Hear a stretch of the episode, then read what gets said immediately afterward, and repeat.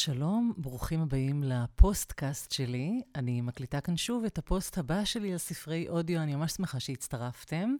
אמ, אז אה, אני אנסה הפעם, למרות שחלקים מהפוסט הזה נכתבו על ידי חברות שלי, ושוב אני אומר, יש כאן לינקים לספרים שיובילו אתכם ישר אמ, אה, אל הספר שאני ממליצה עליו ושחברותיי ממליצות עליי, עליו.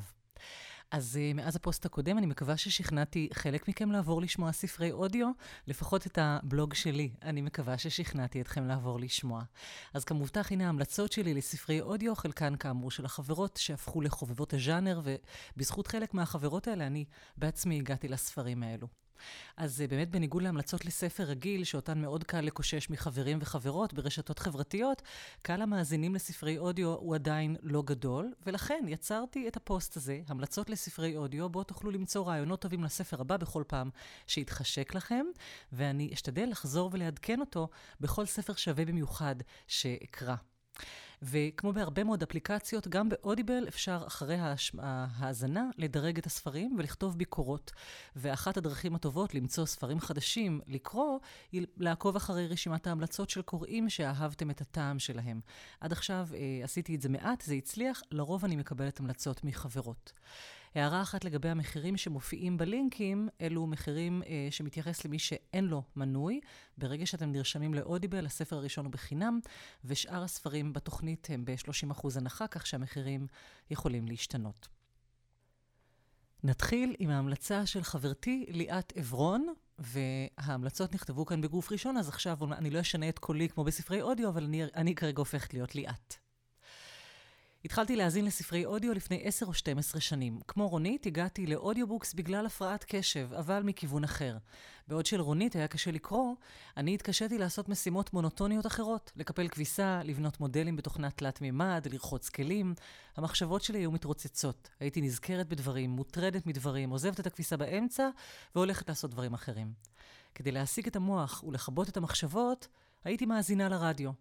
אבל גם ברדיו יש הפרעות, פרסומות, חסויות. חיפשתי משהו אחר להאזין לו, וכך התגלגלתי לספרי אודיו. היה לי נגן mp3 אדום קטן שנתפס בקליפ על דש הבגד, ואיתו הייתי מסתובבת בבית. התחלתי מכמה ספרים שניתן היה למצוא אונליין, ומהר מאוד התחלתי לקנות ספרים דרך אודיבל. עם השנים הצלחתי להדביק כמה חברים, אני, רונית, ביניהם, באהבה לספרי אודיו, וגם הפכתי לאימא לשלושה ילדים, והיום ספרי אודיו הם היחידים שאני קוראת פרט לחופשות. ליאת קוראת ספרי מתח עם חיבה לסדרות שמלוות בלש בודד מחקירה לחקירה, סיפורת וספרי היסטוריה. אני מאוד שמחה על ההמלצות של ליאת, כאילו ז'אנרים שונים לחלוטין ממה שאני מאזינה לו. אני חוזרת להיות עצמי, זה קצת מוזר לי, ברשותכם, לקרוא את ליאת בגוף ראשון. אז אם שלושת התחומים האלה נפגשים, זה בכלל משמח. אם אתם חובבי מתח, ליאת ממליצה על הסדרה של לואיז פני, Chief Inspector, Inspector גמש. אינספקטור גמש הוא ראש מחלקת הרצח במשטרת קוויבק, קנדה. הוא שקט, ג'נטלמני, מלומד ואינטליגנטי. הוא היה מעדיף להתקרבל מול האח עם אשתו האהובה, אבל אנשים כל הזמן נרצחים סביבו, והוא נאלץ לצאת לחקור ולפתור את המקרים. הספרים מתברכים באוסף דמויות משנה משובחות ומטורללות, ובהומור נדיר. מי עוד?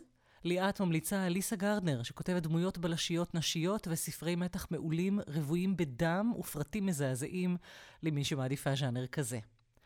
במסגרת הרומן, ליאת מצטרפת להמלצה שלי על A Visit from the Goon Squad, שאני אספר עליו אחר כך. במחלקת ההיסטוריה, ליאת ממליצה על ספר שנקרא The President's Club, ספר שבוחן את מערכות היחסים בין הנשיאים האמריקאים השונים. עם מי יכול נשיא להתייעץ, שווה בין שווים? רק עם נשיא אחר.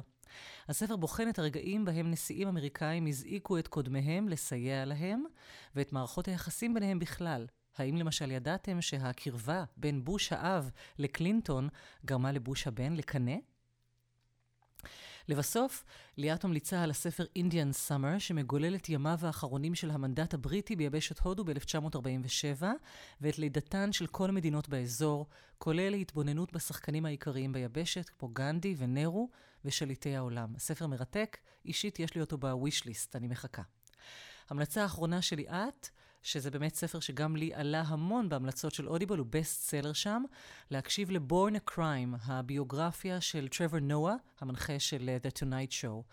הוא גדל באפריקה בשיא האפרטהייד לאימא שחורה ואבא לבן, והוא מקריא את הספר כולל האינטונציות, הביטויים באפריקאנס והגיית השמות המורכבים והמדויקים, וזה אחד המקרים המובהקים בהם ההאזנה לספר תיתן לכם חוויה רחבה הרבה יותר מהקריאה שלו. עד כאן ההמלצות של ליאת עברון, שהיא חברה שלי ומעצבת פנים, היא גרה ועובדת בתל אביב, ואני מאוד מודה לליאת עד היום ולתמיד על שהכירה לי את צורת הקריאה הזאת של ספרי אודיו. אנחנו עוברות עכשיו להמלצה של דניאלה פולק. דניאלה ממליצה על The Likeness של טאנה פרנץ'. ודניאלה כותבת, כלל לא העליתי בדעתי להאזין לספרים. זה לא מתאים לי, חשבתי. אני תל אביבית שנוסעת מרחקים קצרים בלבד ברכב. אני גם ממש אוהבת לקרוא. גדלתי לאבא בעל חנות ספרים, שזה הרבה יותר שווה מאבא עם חנות ממתקים. ריח החנות שלו היה אחד הניחוחות האהובים עליי ביקום, וכך ריחם של ספרים ישנים או חדשים. ההתאהבות באמת לקחה זמן. רק אחרי שמצאתי את עצמי מאזינה לפודקאסטים, הבנתי שאני יכולה להאזין גם לספרים.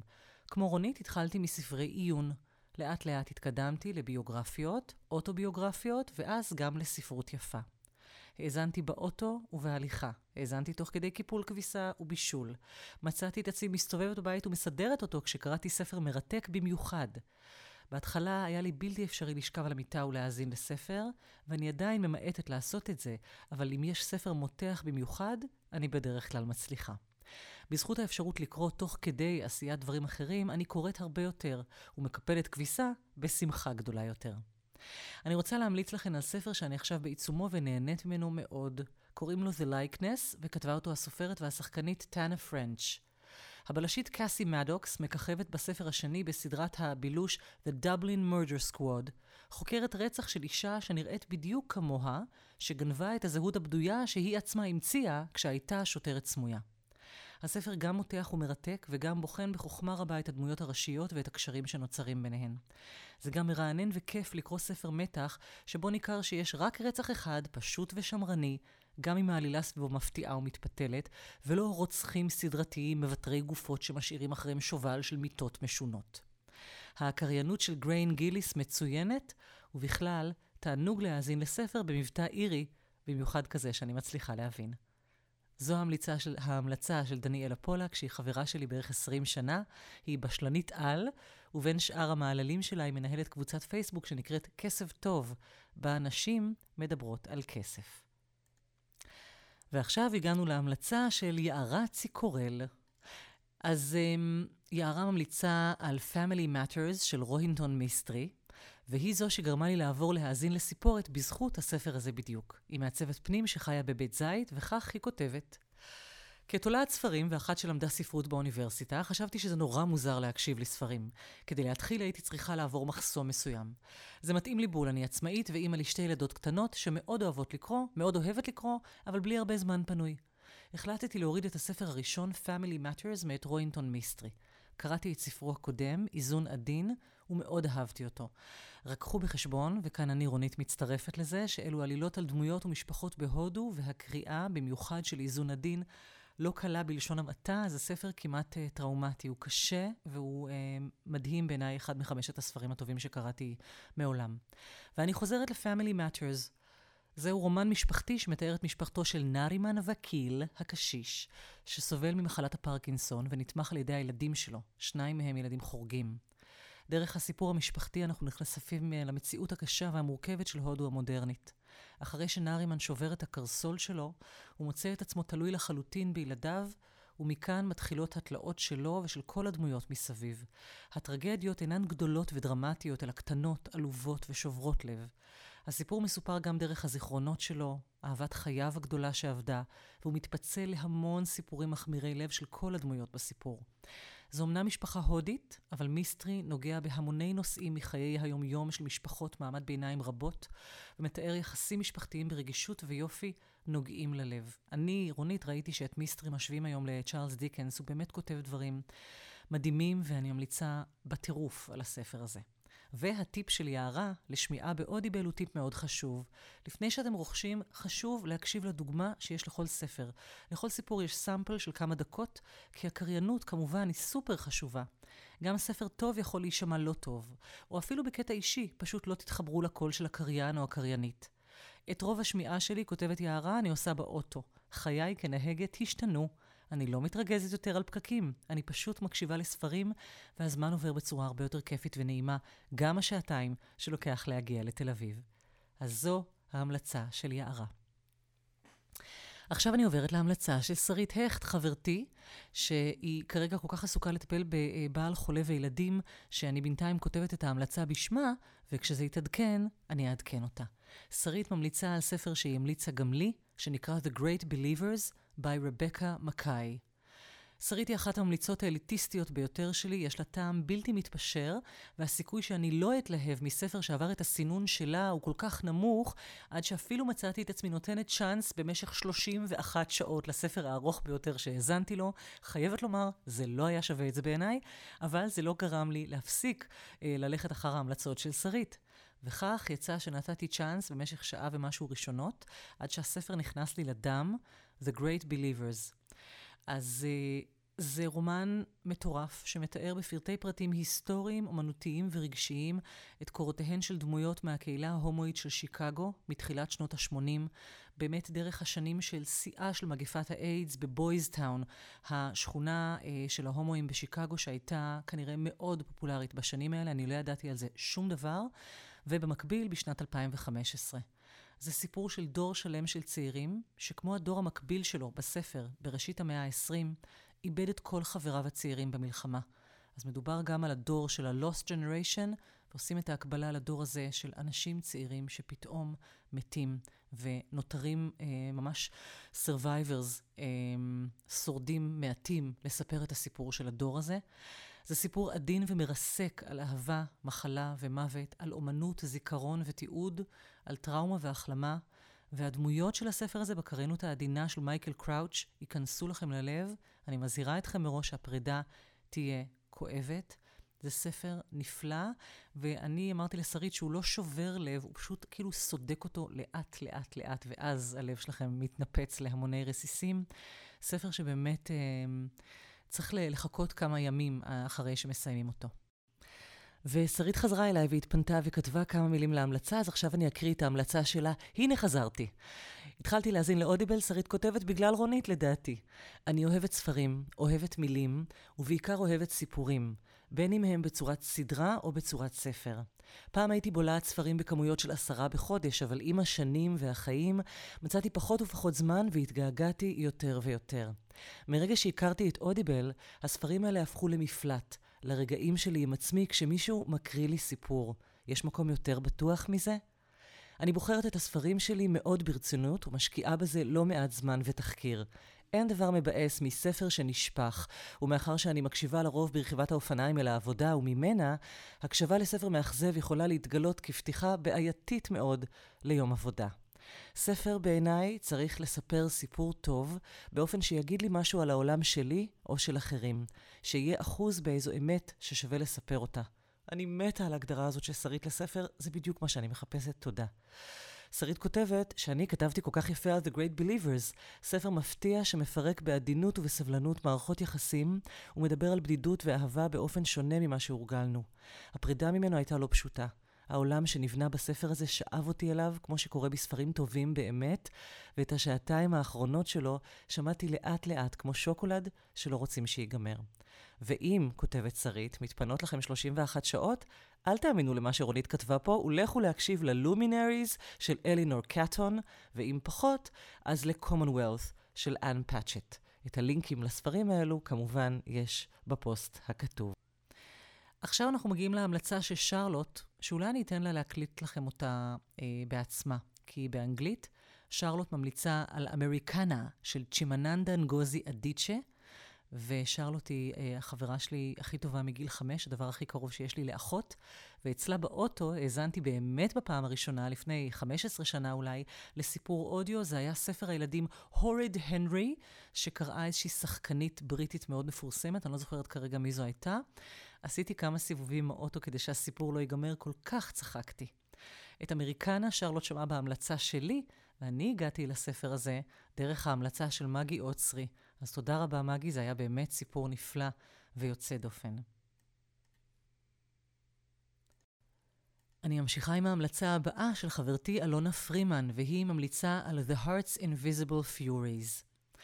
הספר מספר את סיפור חייו של סיריל אייברי, הומוסקסואל שנולד לקת'רין הלא נשואה בת ה-16 באירלנד הקתולית של 1945. חייו וקורותיו של סיריל מסופרים כשברקע מלווה את הקורא ההיסטוריה של אירלנד, התקדמותה והשינויים שהיא עוברת, עם דגש חזק על שני אספקטים, ההיסטוריה המודרנית של אירלנד וההיסטוריה הקשה של הקהילה הלהט"בית. הסיפור מתחיל באירלנד, ממשיך משם לאמסטרדם של שנות ה-80, משם לשנים הקשות של מגיפת האיידס בניו יורק, ושוב חוזר אל אירלנד שצועדת לקראת לגליזציה של נישואים חד-מיניים. הספר הזה מלא בהומור בריטי נפלא, ששזור בסיפור שמלא באירועים קשים, טרגיים ועצובים. ג'ון בוין, שכתב גם את הילד בפיג'מת הפסים, מעביר את תחושת הבדידות של סיריל, את האווירה הקשה של גזענות והומופוביה, מבלי להכביד על הקורא. הסיפור קופץ באינטרוולים של שבע שנים, וכך יוצא שאנחנו מתגברים על הטראומות והטרגדיות, לוקחים אוויר וממשיכים הלאה, בכל פעם מחדש. לא יצאתי מהספר עם תחושה קשה או כבדה, כותבת אלונה, עם סיומו הרגשתי מוכנה לעוד 600 עמודים. בונוס נוסף לסיפור הנהדר הוא סטיבן הוגן, הקריין, והמבטא האירי המשגע שלו. אלונה קוראת בממוצע כשלושה ספרים בשבוע, זה המספר, כן. כקוראת אדוקה כל כך, ספרי אודיו מאפשרים לי, היא כותבת, חופש לעשות פעולות נוספות תוך כדי. בגלל כמות הספרים הגדולה שאני קוראת, העלות של ספרי אודיו בלבד היא יחסית גבוהה. אפילו עם מנוי, ספר ממוצע עולה בין 15 ל-20 דולר, תלוי באורך שלו. לכן אלונה משלבת גם עם קינדל, במחיר של 5 או 6 דולר לספר. אבל בחיפושים שלה אחרי עוד דרכים להאזין לספרים, היא גילתה את האפליקציה שנקראת סקריבד, שנותנת עבור תשלום חודשי של 9 דולר בלבד, מגוון רחב יותר של ספרים לבחירה. אלונה ואני מנסות אגב להבין את ההבדלים במחירים בין שתי האפליקציות האלו, אודיבל וסקריבד, ויכול להיות שיש הבדל בכותרים עצמם, באלו שמגיעים לאפליקציות, או בכמות הספרים שניתן לאגור בחודש, וזה קצת משתנה, אז תבדקו את זה ותראו איך זה הולך. אם תבינו את שיטת התמחור, ספרו לי. מתברר שגם ביוטיוב אפילו אפשר למצוא ספרים להאזנה. אם אתם רושמים בסרגל החיפוש אודיובוקס, אולי תמצאו משהו שיעניין אתכם. כקוראת אובססיבית אני משתדלת לעבור ז'אנרים כדי לא להשת... להשתעמם. החביב עליי הוא ספרי היסטוריה. משם אה, אלונה עברה לרומנים, ביוגרפיות ומותחנים משטרתיים ופסיכולוגיים. היא ממליצה בחום על ביוגרפיות, אה, ביוגרפיות אודיו שמוקראות מפי הכותבים, כמו הביוגרפיה של מישל אובמה, והסיפור של מדלן אולברייט, אה, פשיזם, שאומנם זו אינה אה, אוטוביוגרפיה, אבל זה תמיד מוסיף עוד להאזנה בעיניה, לשמוע אנשים קוראים את הספרים של עצמם. עם הזמן מגלים קריינים מחוננים שיודעים להעביר את הסיפור ואת הדמויות בצורה מושלמת, ואלונה ממליצה על דיוויד פיטו, שמקריא את The Goldfinch של דונה טארט. היא זכתה על הספר הזה בפוליצר בשנת 2014, ומתברר שהיא בחרה בעצמה את השחקן שיקריא את הספר שלה. אני, רונית, מוסיפה שחיפשתי ספרים שדייוויד פיטו אה, קורא, וכרגע אני מאזינה לספר שנקרא The Marriage Plot, שכתב ג'פרי יוג'נידס, שכתב גם את מידלסקס, עליו המליצה לי שרית הכט מהפרקים הקודמים בפוסט הזה. אלונה היא חברה שלי מכרמי יוסף, יש לה סטייל נדיר. סטוריז הורסים באינסטגרם ויכולת קריאה לא אנושית. הגענו בסוף להמלצות שלי. אני ממליצה קודם כל על A Tale for the Time Being של רות אוזקי. הביקורות על הספר הזה חלוקות באודיבל. אני דווקא קראתי את המעטים שנתנו לו ציון נמוך של כוכב אחד מתוך סקרנות. אני הבנתי את האנשים האלה. הספר הזה לא קל, הוא מרובד מאוד, מלא רבדים והוא מטריד. אני מבינה איך מישהו יזרוק את הדבר הביזארי הזה מהידיים אחרי כמה דקות ויגיד, וואלה, לא מתאים. אבל אם אתם צולחים את הספר הזה וניגשים אליו בראש פתוח, בלב פתוח, בעיניי זה יכול להיות אחד הספרים היפים והחכמים שתפגשו בחייכם. את רות אוזקי אולי גם אתם מכירים דרך שנת הבשרים שלי, תיעוד מצמרר על מסעה של במאית תיעודית אה, לתעד את אה, תעשיית הבקר האמריקאית עבור קהל צרכנים יפני. זה אגב מה שאוזקי עשתה לפני שהיא התחילה לכתוב. היא הייתה במאית תיעודית וזה היה הספר הראשון שלה. ספר חזק מאוד. אה, קוראים רבים, אה, אני לא ביניהם, אבל בהחלט צריכת הבשר שלי ירדה, קוראים רבים החלו כאן את הטבעונות שלהם. יערה ציקורל עכשיו כתבה לי שגם היא הפכה לצמחונית וטבעונית באמת בעקבות הספר הזה. אני מקווה שלא מתבלבלת עם ההערות שקיבלתי לפוסט. אז רות אוזקי היא קנדית-אמריקאית ממוצא יפני, שמקריאה את הסיפור הזה בעצמה. בינתיים היא הסופרת היחידה שמקריאה סיפורת בעצמה ולא עיון, זה היה מדהים. ויחסית לקריינים לא מקצועיים, היא עושה עבודה נהדרת. העובדה שהיא באה מעולם הקולנוע התיעודי מורגשת בספרים שלה, יש בהם תמיד המון עובדות מרתקות ותשומת לב לפרטים שבאמת יוצרים מסביבכם מציאות מאוד אמינה. הספר הזה באנגלית נקרא A Tale for the Time Being, בעברית אה, סיפור, מחוץ, אה, סיפור מחוץ לזמן או משהו כזה, והוא נפרס על פי, פני יבשות, תרבויות וזמנים שונים. מבחינתי אין נושא שהוא לא נוגע בו, הוא נוגע בכל השאלות העמוקות ביותר של הקיום, של היצירה ושל הנפש. על יצירה ועל תיעוד, על מחשבה חופשית ושיעבוד, על כתיבה וקריאה, על חיים ומוות. הגיבורים שלו הם כמו רות אוזקי, סופרת ממוצא קנדי-יפני שתקועה עם הכתיבה של הספר שלה, והיא מוצאת על החוף יומן של נערה יפנית שאולי נסחף לשם בצונאמי, שנקראת נאו, שזה משחק מילים על עכשיו. יש שם המון המון משחקים עם הזמן. והנערה הזו מספרת בין היתר על התעללות שהיא עוברת מבית ה... בבית הספר שלה, על אבא שלה המובטל מהמדוכא. נאו בעצמה מוצאת יומנים של הדוד רבא שלה, של היה טייס קמיקזה במלחמת העולם השנייה, אצל ג'יקו, הנזירה החכמה והסבלנית שהיא הסבתא רבתא שלה. כן, בספר הזה יש המון דמויות, וכל אחת יותר חכמה מהשנייה. זה בעיניי ספר שקשה לתאר. פשוט, בבקשה, תקשיבו לו. שוב, אצל רות אוזקי יש אמריקאית במבטא יפני, יש יפנית, יש צרפתית במבטא יפני, ובגלל שהאישה הזו היא בעצם כל הדמויות, זה מוסיף כל כך הרבה יופי לסיפור, אני ממש לא יכולתי לדמיין לקרוא אותו על נייר. מבחינתי, אפילו תקראו את הסיפור הזה בנייר, בעברית. רק בבקשה, אל תוותרו עליו, ואני מודה לחבריי היקרים דני וורד, שהמליצו לי שניהם על הסיפור הנהדר הזה. אני לא יכולה לסיים את הפוסט הזה בלי להמליץ על שני ספרים של ג'ניפר איגן, שלדעתי כל אחת מהחברות שלי האזינה להם והתעלפה עליהם, אבל כנראה כל אחת הייתה בטוחה שהשנייה תכתוב, אז יצא שלא כתבו. הספר הראשון הוא A Visit from the Goon Squad, מפגש עם חבורת הבריונים. אני ממליצה להתחיל מהספר הזה. זוהי אסופה של 13 סיפורים שמחוברים אחד לשני, בכל אחד דמות ראשית שמופיעה אחר כך בסיפור, באחד הסיפורים בהמשך. אלו סיפורים על אנשי תעשיית המוזיקה של שנות ה-80 בסן פרנסיסקו וניו יורק, ועל מה שהזמן עושה להם ולחלומות שלהם במשך כמה עשורים. איגן בעצמה הייתה עיתונאית מוזיקה, היא כתבה ברולינג סטון, והספר הזה זיכה אותה בפוליצר בשנת 2011.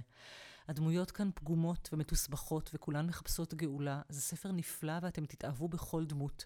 האישה פשוט יודעת לספר סיפור. יש ספרים כאלה שאתם אומרים, פשוט יודעת לספר סיפור. היה בזמנו דיבור על להפוך את הספר הזה לסדרה של HBO, אבל לשמחתי לעת עתה זה נעצר אולי. טוב שכך, אני שמחה להישאר עם הדמויות באודיו. אחרי ה-Visit from the Goon Squad הייתי חייבת עוד ספר של איגן, ומצאתי את הספר האחרון שלה שנקרא Manhattan Beach, חוף מנהטן. כמובן חששתי מאכזבה, אבל הספר הזה שונה בהכל ודומה רק בדבר אחד, גם הוא ספר מושלם. בכל היתר הוא שונה. הכל כאן קצת יותר גדול, הפריזמה ההיסטורית, הגודל של הדמויות, הכריזמה של הדמויות, הירידה לפרטים. בגדול זה סיפור של מנהטן בשנות ה-30 וה-40, כשהיה שם חוף והייתה שם מספנה, והגיבורים הם שלושה, אנה קריגן, אבא שלה אדי, וגנגסטר בשם דקסטר סטיילס. את הספר מקריאים שלושה שחקנים שונים, ואת הדמות של דקסטר סטיילס משחק וינסנט פיאצה, ששיחק את הדמות של לקי לוציאנו בסדרה אימפריית הפשע, Boardwalk Empire, שתיתקע לכם בראש בתור תפאורה לסיפור הזה כשתאזינו לו, גם בזכות הקול שלו. את שני הספרים האלה תרגם לעברית יואב כץ. כל כך אהבתי את מנהטן ביץ', אה, שקראתי אותו גם אחר כך בעברית, ככה עברתי עליו. זהו, אלה ההמלצות שלי ושל החברות שלי לעת עתה. אני מקווה שסקרנתי אתכם ועשיתי לכם חשק להאזין לכל הסיפורים האלה. תודה לכל החברות שלי ששיתפו פעולה ושלחו לי את ההמלצות שלהן. ושמתי לב באמת שחוויה משותפת כמעט לכולן זה ההנאה מספרים שמסופרים במבטאים אחרים בארצות אחרות, בין אם זה מבטא הודי, מבטא אפריקאי, מבטא סקוטי, מבטא אירי. ואני מקווה עוד שהפוסט הזה ימשיך לצבור עוד ועוד המלצות לספרי אודיו מעולים, אני אמשיך לעדכן אותו, ואני אשמח לקבל בתגובות שלכם את ההמלצות שלכם לספרים הנהדרים שהאזנתם להם, או תגובות לספרים שאנחנו המלצנו עליהם ואתם האזנתם ונהנתם. תודה רבה שהייתם איתי שוב בפוסט המוקלט הזה, ניפגש בפוסטים הבאים, תודה והאזנה נעימה.